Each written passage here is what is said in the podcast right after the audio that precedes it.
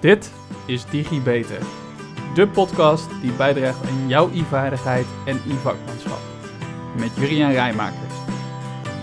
Hallo beste luisteraars en fijn dat je weer luistert naar een nieuwe DigiBeter. In deze podcast gaan we het hebben over Artificial Intelligence. RT wat? Nou, Artificial Intelligence, oftewel artificiële, oftewel kunstmatige dan hebben we intelligence, intelligentie. In het kort gezegd en vaak ook wel zo benoemd AI. En veel mensen denken en zien AI als science fiction. Een futuristisch concept, eh, maar kijk maar eens goed om je heen.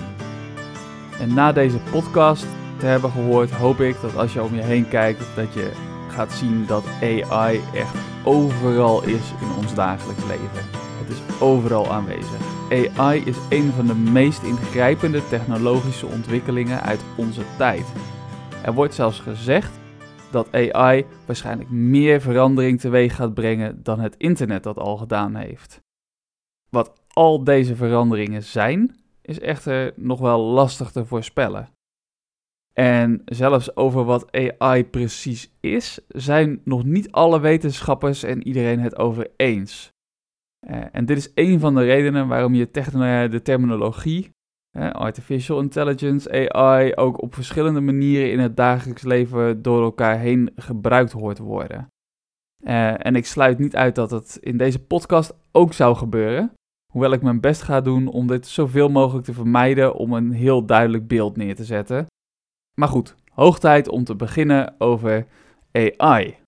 Want ja, zoals ik al zei, AI blijft een beetje een vaag begrip. Uh, doordat het vakgebied in ontwikkeling is. Uh, en dit is ook een van de redenen dat de wetenschappers het nog niet helemaal eens zijn over die geschikte definitie. Uh, jaren geleden ging het nog over statistiek of business analytics. en dat heet tegenwoordig, wordt dat al vaak bestempeld als AI. het is dus een steeds bredere en vager wordende term. Daarbij kun je jezelf ook afvragen wat die intelligentie nu precies is. Is het intelligent als jij één taak, zoals het schaken, heel goed kan uitvoeren? Uh, en hoe zit het dan met de andere dimensies van schaken, zoals het verzetten van het schaakstuk zelf? Schrijvers in Hollywood en gewoon gewone auteurs van boeken maken het er voor ons ook niet echt eenvoudiger op. Ja, door al die boeken en die films zien we AI als mensachtige robots die sterker en slimmer zijn dan wij. En we identificeren ons met iets wat op een dier lijkt of een mens lijkt. Uh, en dat maakt het erg vermakelijk, maar soms ook erg eng en zeker niet waarheidsgetrouw. Een voorbeeld zie je nu wel met uh, Spot, de AI-politiehond. Misschien ken je hem wel. Uh, we, we, we, associëren Spot met iets ja, wat we graag bij ons hebben. Onze trouwe viervoeten. Maar tegelijkertijd, door alle impressies die we al hebben gekregen uit de films en alle doemscenario's die daarbij zitten, gaan we er slecht mee om. We zijn bang. Want als je de hond uitrust met wapens, en stel nou dat die hond echt met kunstmatige, eh, kunstmatige intelligentie, met AI, eh, gaat, eh, gaat denken, ja, wat dan? Nou, de N eh, NYPD heeft, om deze discussies rondom, heeft door de discussies rondom racisme, eh, denk aan bijvoorbeeld hè, het mogelijke racistische algoritmes, ja, hebben ze toch vroegtijdig in april dit jaar de uh, proef uh, stopgezet. Nou, als je meer wil weten over die algoritmes, dan kun je natuurlijk luisteren naar mijn eerste podcast, waar ik al helemaal in ben gegaan op wat de algoritmes nou zijn. Nu zal ik AI toch een richting moeten geven.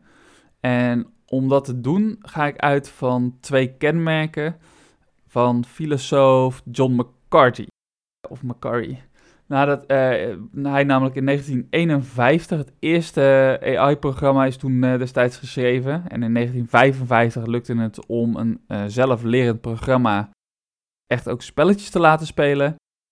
daarna is John, heeft AI twee kenmerken meegegeven. En die twee kenmerken zijn autonomisch of autonomische zelfstandigheid. het stukje algoritme is in staat om zelfstandig een taak uit te voeren in een complexere omgeving, zonder dat je het algoritme dan bij telkens de vragen krijgt van, ja, of het wel goed is of niet. Dus zonder telkens vragen te stellen. Het werkt autonomisch, helemaal zelfstandig. Tweede punt is de zelflerendheid. Het algoritme is zelflerend. Uh, waarbij het dus leert van eerdere ervaringen uit de data en daarmee de eigen performance verbetert. Beide zien we eigenlijk in de huidige toepassingen wel al terug. Een andere, misschien wel een van de belangrijkste namen uit de AI, is Alan Turing. Een Britse wiskundige. En die naam heb je misschien ook wel eens voorbij horen komen. Nou, trouwens, niet alleen wiskundige, maar ook logicus en computerpionier. Uh, en die heeft uh, destijds in de, de, Tweede Wereldoorlog wordt hem een belangrijke rol toegedicht bij de ontcijfering van het Enigma-apparaat. Dus daar zou je misschien van kennen, kunnen kennen. Maar nog beroemder is uh, Allen geworden om de Turing-test. Nou, misschien heb je die ook al wel eens van gehoord. Dat is een gedachtentest waarbij je dus niet meer zeker weet of je communiceert met een machine of met een mens. En als die machine dat dan drie minuten volhoudt, dan heeft hij de test doorstaan. En het leek erop dat veel machines dit niet konden, maar sinds een paar jaar geleden kwam er op een gegeven moment Google Duplex. Een systeem wat bijvoorbeeld een telefoontje kon plegen. Uh, en dat voorbeeld dat is op YouTube te vinden, maar ik zal een linkje plaatsen in de show notes. Uh, erg leuk om te luisteren. Daarbij gaat het systeem proberen een reservering te maken. Dit systeem heeft het alleen niet drie minuten volgehouden en het was een zeer nauw domein. Maar het komt verdacht veel in de buurt van die Turing-test. Nou, als we nu nog iets verder gaan in onze tijd, dus nog wat recenter, dan uh, is er Eugene Goostman. En Eugene is geen normaal persoon. Eugene is een chatbot. En deze chatbot wordt door sommigen ook wel gezien als de eerste die de Turing-test doorstaan heeft. Een deel van de mensen die met de bot namelijk aan het chatten waren, had absoluut geen idee dat het een bot was. De vraag blijft natuurlijk: is dit dan echte intelligentie? Nou, de vraag stellen is eigenlijk het antwoord geven natuurlijk. Uh, mijn inziens is het nog geen echte intelligentie. We kunnen AI op verschillende manieren benaderen en ik zal hierbij even ingaan op drie die je het meeste hoort. Je hebt de narrow AI, oftewel taakgerichte AI. En die gaat specifiek in op het afwikkelen van één bepaalde taak. Nou, dan ga je een stapje groter. Gaan we kijken naar de general AI. Eh, en die uh, heeft intellectuele taken kan die verrichten zoals mensen dat doen. En dan gaan we nog een stap verder. Dan komen we echt al wel in de buurt van de, van de science fiction. Dat is super intelligent AI. En deze hyperintelligentie zie je veel al terug in de science fiction films, waarbij bijvoorbeeld dus die slimme, gevaarlijke robots de mensheid overnemen. Denk aan de Matrix. Uh, en het lijkt erop dat we hier voorlopig echt nog niet zullen zijn. Maar uh, als je oude science fiction films terugkijkt, blijft het mij altijd wel verbazen uh, over hoeveel van wat mensen toen dus onrealistisch achten er nu toch is. Dus een chatbot zoals Eugene is narrow AI. En Eugene zal niet in één keer spontaan een spelletje schaak met jou gaan spelen. Of uh, als je hem vraagt om mee te helpen in het uitdenken van een strategie, dan zal dat zeker ook niet gebeuren. Wat het meeste aan bod komt in deze podcast zal dan dus ook gaan over de, uh, de narrow AI. En waarom? Nou ja, simpelweg uh, omdat die andere twee, er hebben nog heel veel ontwikkeling nodig. En uh, ja, dat zijn dus zaken die er nog niet echt zijn. En dan zeg je misschien, ja Juriaan, en mijn smartphone assistent dan, die is zo veelzijdig. ja, toch is het narrow AI. Probeer maar eens een volwaardig gesprek met je assistent te voeren. Waar kan ik een broodje worst bestellen? Oké, hier zijn een paar recepten. Nou, zelfs de vraag werd niet eens altijd goed geïnterpreteerd. Dan zie je wel dat het nog wel een lange weg te gaan is voor je daar een volledig gesprek mee kan voeren. Wel gaan de ontwikkelingen echt exponentieel veel sneller en worden computers nog steeds continu krachtiger dus op een bepaald moment zullen we die vormen van general AI en superintelligentie echt wel tegemoet kunnen gaan zien. Nou, wil je AI nou echt goed snappen, dan is het van belang om te beseffen dat AI niet één ding is. Elk AI-systeem bestaat uit een aantal zaken. En dat begint met de data, zoals behandeld in de tweede podcast. Dus het is wel goed om die te luisteren naar zodat je weet wat is nou data. Nou, de data is het fundament, de brandstof. De data moet correct zijn, volledig up-to-date, oftewel schoon.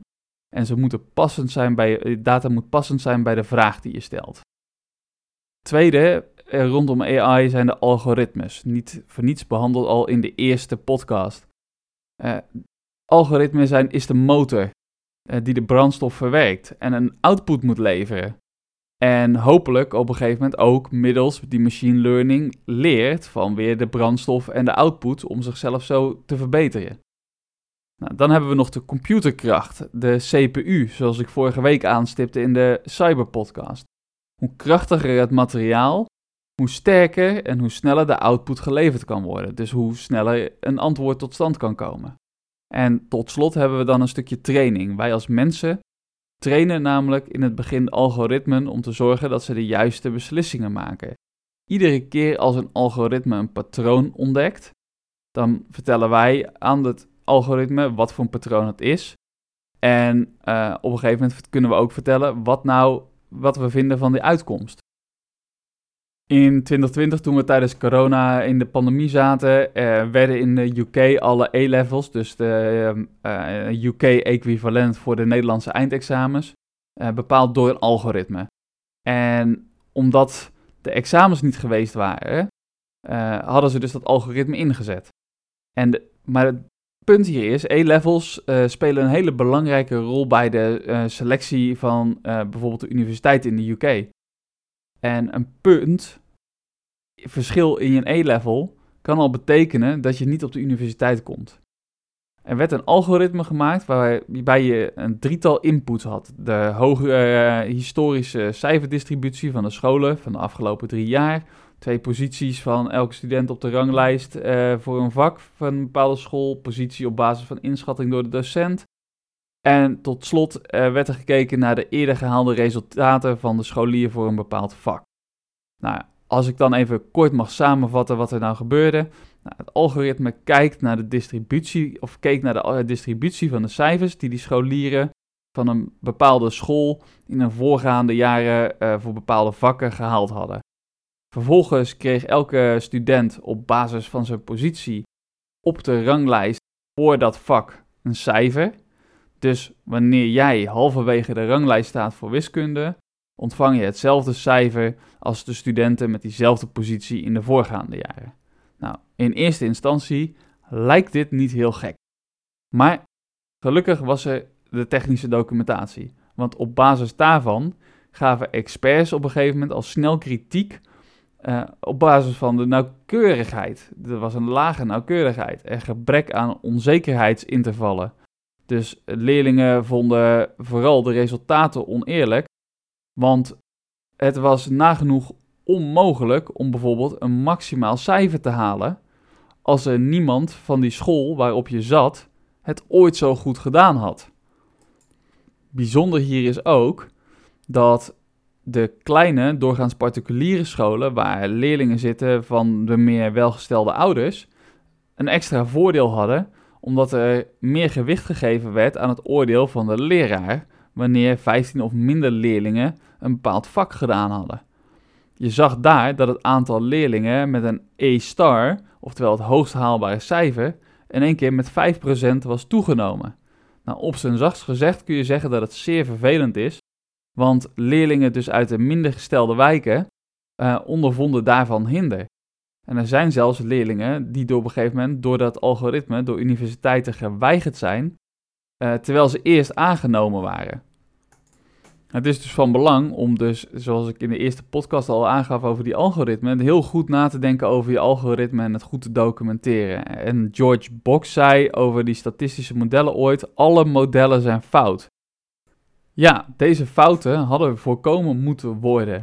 Niets is perfect. Zelfs als er een volledig gedegen model geweest was, dan had je nog de kans gehad dat bepaalde mensen benadeeld zouden worden.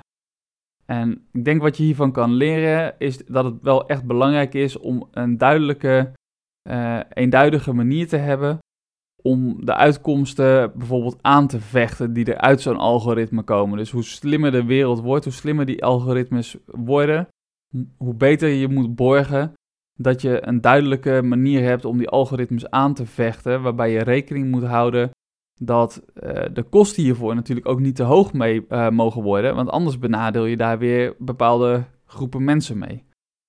Dus naarmate AI belangrijker wordt en zelfstandiger wordt, is het nog belangrijker om transparant te zijn over die openheid, van, over die algoritmen.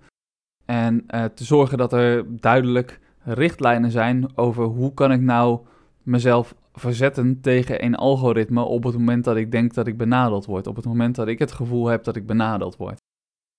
AI is dus een samenvoeging van een aantal technologieën die je laten lijken alsof een apparaat intelligent is. Als een computer de staat van superintelligente AI wil bereiken, moet hiervoor dus bijvoorbeeld ook de computerkracht ernaar zijn, maar mogen de algoritmes ook geen fouten bevatten. En moet het systeem dus ook echt wel relatief goed getraind zijn al om te zorgen dat het wat gaat werken. Nou, ik hoop dat je dit wat gemoedsrust biedt en dat we er voorlopig nog niet zijn. Maar als je nou denkt dat er geen AI in jouw leven te vinden is, dan zit je er zeer waarschijnlijk naast. Denk maar eens na over hoeveel apparaten je hebt die uh, op je reageren. Heb je bijvoorbeeld navigatie? De route van A naar B is geen directe artificial intelligence, geen AI. Maar AI komt wel om de hoek kijken zodra er een file of een blokkade op de weg zit en het systeem dan in alle L voor jou allemaal nieuwe opties gaat uitrekenen zonder dat je er zelf om vraagt. Of als je fout gereden bent en je vervolgens heel nauwkeurig een nieuwe route voorgeschoteld krijgt zonder dat je er zelf allemaal handelingen voor hebt hoeven doen. Misschien heb je ook wel een smartwatch. Nou, daar zitten ook AI-protocollen in. Of denk maar eens aan de social media die je misschien gebruikt of je streaming services zoals Netflix of Spotify. Allemaal bevatten ze AI. Ook die slimme assistenten die ik je net had laten horen, die vraag interpreteert en weer kijkt van, nou ja, zit hier een antwoord in? Je ziet ze allemaal. Maar ik geef zelf graag vaak het voorbeeld, als ik nou echt een slimme assistent zou hebben en ik zou die assistent vragen aan mij om de wekker te zetten om 6 uur in de ochtend, ja, dan is het heel goed. Maar ik, het zou nog mooier zijn als ik tegen mijn assistent uh, kan zeggen: Nou, ik heb om 10 uur mijn eerste afspraak. Zet de wekker zo dat ik uh, mijn eerste afspraak kan halen. En als dat slimme AI dan detecteert dat er s'nachts in één keer werkzaamheden op de weg zijn gekomen of dat er een ongeluk is gebeurd. En dat ik daardoor waarschijnlijk een langere reistijd heb en dat daar op basis daarvan automatisch mijn wekker wat eerder gezet wordt. Nou, test het maar zelf met je eigen slimme assistent hoe je daar weer verder komt. Je zou bijvoorbeeld kunnen vragen: uh, hey, hoeveel vingers steek ik op? Uh, je zou dan denken: nou, gebruik de camera, want dan kan je je vingers tellen. Maar nou, ook zelfs dat gebeurt nog niet door die assistent. Ook in Nederland worden uh, veel beslissingen steeds vaker geautomatiseerd. Laten we maar eens kijken naar de overheid. AI is handig voor het uitrekenen van toeslagen zoals je huur, je zorgtoeslag, je kinderopvoedingtoeslag. Nou ja, hens, hè, de hele affaire daaromheen.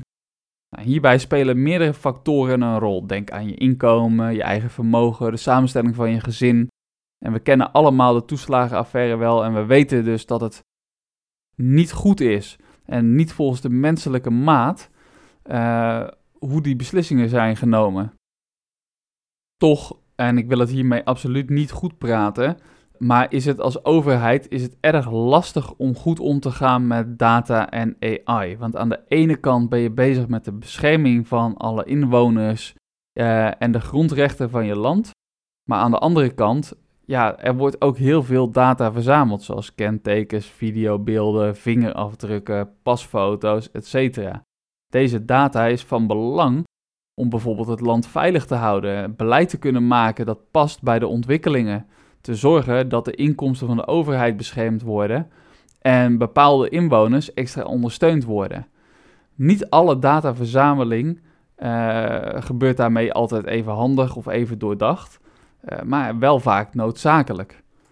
Als het vervolgens gaat om de opslag van die data, dan moet je natuurlijk ergens een knip leggen en kijken of je diezelfde data ergens anders ook wel wil en mag gebruiken. Bijvoorbeeld die vingerafdruk verzameld voor een paspoort kan zomaar ineens een Trojaans paard worden om hem in te zetten voor de misdaadopsporing. Nou, hoe ver mag je en wil je de privacy beperken om diezelfde afdruk bijvoorbeeld in te zetten voor de opsporing van criminele activiteiten? Nou, dit zijn goede discussies waarin uh, dan waarschijnlijk weer nieuwe vragen zullen rijzen. Als uh, stel dat uh, je het mag inzetten bij welke activiteiten dan? Hoe zit het met de rechtsbescherming? Nu is dat relatief eenvoudig en het komt hier waarschijnlijk maar beperkt tot geen AI aan te pas. Als je dit zou hebben. Maar het wordt al complexer en dan je, kun je gaan afvragen of het niet uh, uiteindelijk de beslissing is die voor je genomen wordt door systemen. Ik moet hem even rephrasen. Het wordt natuurlijk complexer als je kan afvragen of er niet uiteindelijk beslissingen voor je worden genomen door systemen die je niet kent en niet kan doorgronden. Bijvoorbeeld kentekenregistratie bij de boetes, bij het boetesysteem is al volledig geautomatiseerd. Maar wat kan je allemaal nog meer met die kentekeninformatie? Het is dus aan jou als medewerker om goed te kijken welke informatie je in de processen stopt, waarom en of het ethisch is of niet. En te zorgen dat de rechten van de betrokkenen voldoende beschermd blijven. En daarbij moet je ook zorgen uh, dat je snapt wat er voor uitkomsten dus uit jouw systeem komen. Nou, dat hebben we allemaal voor een groot deel besproken in uh, de podcast over algoritmes. De digitale medewerkers van de toekomst, die snapt dus dat loketten, processen, papierwerk en interfaces zijn vervangen. Maar de moderne medewerker die controleert en bewaakt de, eh, en kan de menselijke kant bewaken en vragen beantwoorden over AI. De nieuwe medewerker die vraagt zich af op het moment dat je AI hebt, of je de data die je erin stopt per se nodig hebt voor dat algoritme, of dat je ook op andere manieren tot de gewenste uitkomst kan komen. En naast de medewerkerskant is er natuurlijk ook de ontvangerskant. Uh, hoe zit het met jouw rechtsbescherming als je automatisch de beslissing, uh, een automatische beslissing ontvangt? Staat dit doorgaans staat het namelijk ergens onder op zo'n document dat het automatisch gegenereerd is. Zorg ervoor dat je dan goed op de hoogte bent dat je de beslissing goed leest. Want je kan een automatische beslissing dus herkennen. En je ziet het vaak ook wel ook uit de manier waarop iets is opgebouwd. Dus bijvoorbeeld generieke zinnen, uh, meer standaard dan, uh, en algemene zinnen dan dat het specifiek op jouw situatie is toegepast. Vraag een organisatie ook gerust hoe zo'n beslissing dan tot stand gekomen is. De overheid biedt nou hiervoor meer en meer mogelijkheden om te zien wat nou met, uh, met wie je data gedeeld is, en hoe dit tot een bepaalde beslissing geleid heeft. En wil je weten of je allemaal vooringenomen nieuws krijgt, zeg maar op je webbrowser, schoon dan gewoon eens een keer de cookies op in je internetgeschiedenis. En maak misschien eens een keer een nieuw account aan bij een zoekprovider, waarmee je inlogt op je telefoon en je e-mail. En daar werkt daar een tijdje mee. En heb je dan niet meer al die vervelende reclames. Nou, dan weet je dat, het, uh, dat, dat dat zit in het algoritme wat jouw data bestudeerde over hoe jij hebt genavigeerd, waar je bent geweest. Dus het is goed om nou, dat één keer in de zoveel tijd toch een keertje op te ruimen en dat die data niet meer bruikbaar is. Nou, een aantal conclusies voor ik overga tot de afsluiting. AI, dus samengevat, intelligente systemen die zelfstandig zaken kunnen uitvoeren in complexere omgevingen en eigen prestaties kunnen verbeteren door te leren van ervaringen. Tweede is, we zijn echt nog niet zo ver op het gebied van AI-systemen dat ze slim zijn. Ja, ze worden steeds slimmer, maar zijn nu vooral nog gericht op de taken uitvoeren waarvoor wij ze specifiek getraind hebben. De narrow AI waarmee menselijke intelligentie wordt geïmiteerd. En het is ook nog wel leuk om dat dezelfde te testen. Ik zal het zo ook in de show notes erbij zetten. Uh, er is een website en de website is What breed is that dog? Nou, als je op die site bent, upload voor de grap maar eens een keer een foto van je eigen gezicht. En zie maar eens wat er dan gebeurt. Nou, dit geeft meteen, een punt naar, uh, geeft meteen het bruggetje naar mijn volgende punt. Er is namelijk een onderscheid tussen narrow AI, general AI en de superintelligentie. Voor al deze vormen van intelligentie, het vierde punt, is data de brandstof voor. Eh, met data, in de zin van correcte, up-to-date, volledig, maar ook passend bij de vraag, kunnen artificial intelligence systemen volledig zelfstandig die beslissingen maken. Als jij een AI-systeem dus vraagt jouw foto te beoordelen op basis van een database aan honden, wat ik je net liet zien uh, doorsturen naar die website, zal het systeem vervolgens in zijn algoritme jouw foto, de karakteristieken die hij geleerd heeft, gaan vergelijken met die database aan honden. Resultaat is dan zeer waarschijnlijk dat het AI-systeem teruggeeft welk ras hond jij bent, dus op welke hond jij lijkt. Het systeem was tenslotte bedoeld om honden te herkennen. Nou, artificial intelligence is niet iets magisch. Om beslissingen te kunnen maken is er een algoritme nodig, hè, zoals dus besproken in die eerste podcast, en data. En algoritmen moeten eerst heel goed getraind worden. Beslissingen kunnen, uh, ondanks dat je misschien goed je best gedaan hebt, echt wel tegenvallen door incorrecte of ontbrekende of verkeerde data, verkeerd aangeleerde patronen. Evenals uh, bijvoorbeeld verkeerd geïnterpreteerde input. Het is daarom van belang om de vinger aan de pols te houden. Zeker naarmate je AI een groter zelflerend vermogen gaat krijgen. En nog belangrijker, uh, wanneer het systeem beslissingen neemt die een impact hebben op het leven van mensen. Want hoe goed getraind ook, het algoritme dat jou zal beoordelen uh, alsof je een hond bent, dat begrijpt simpelweg niet dat jij een mens bent. En daarom zal hij het algoritme jou klassificeren als een bepaald ras hond. En om deze reden is het ook dus goed om te zorgen dat je een menselijke beoordeling kan toepassen op het moment dat een systeem ingrijpende beslissingen kan maken over het leven van anderen. Nou, als belangrijkste denk ik, bewaak de menselijke kant. Dus controleer je algoritme, processen, je data. Uh, probeer te herkennen waar afwijkingen zitten. Uh, dankzij machine learning kunnen we echt heel erg veel.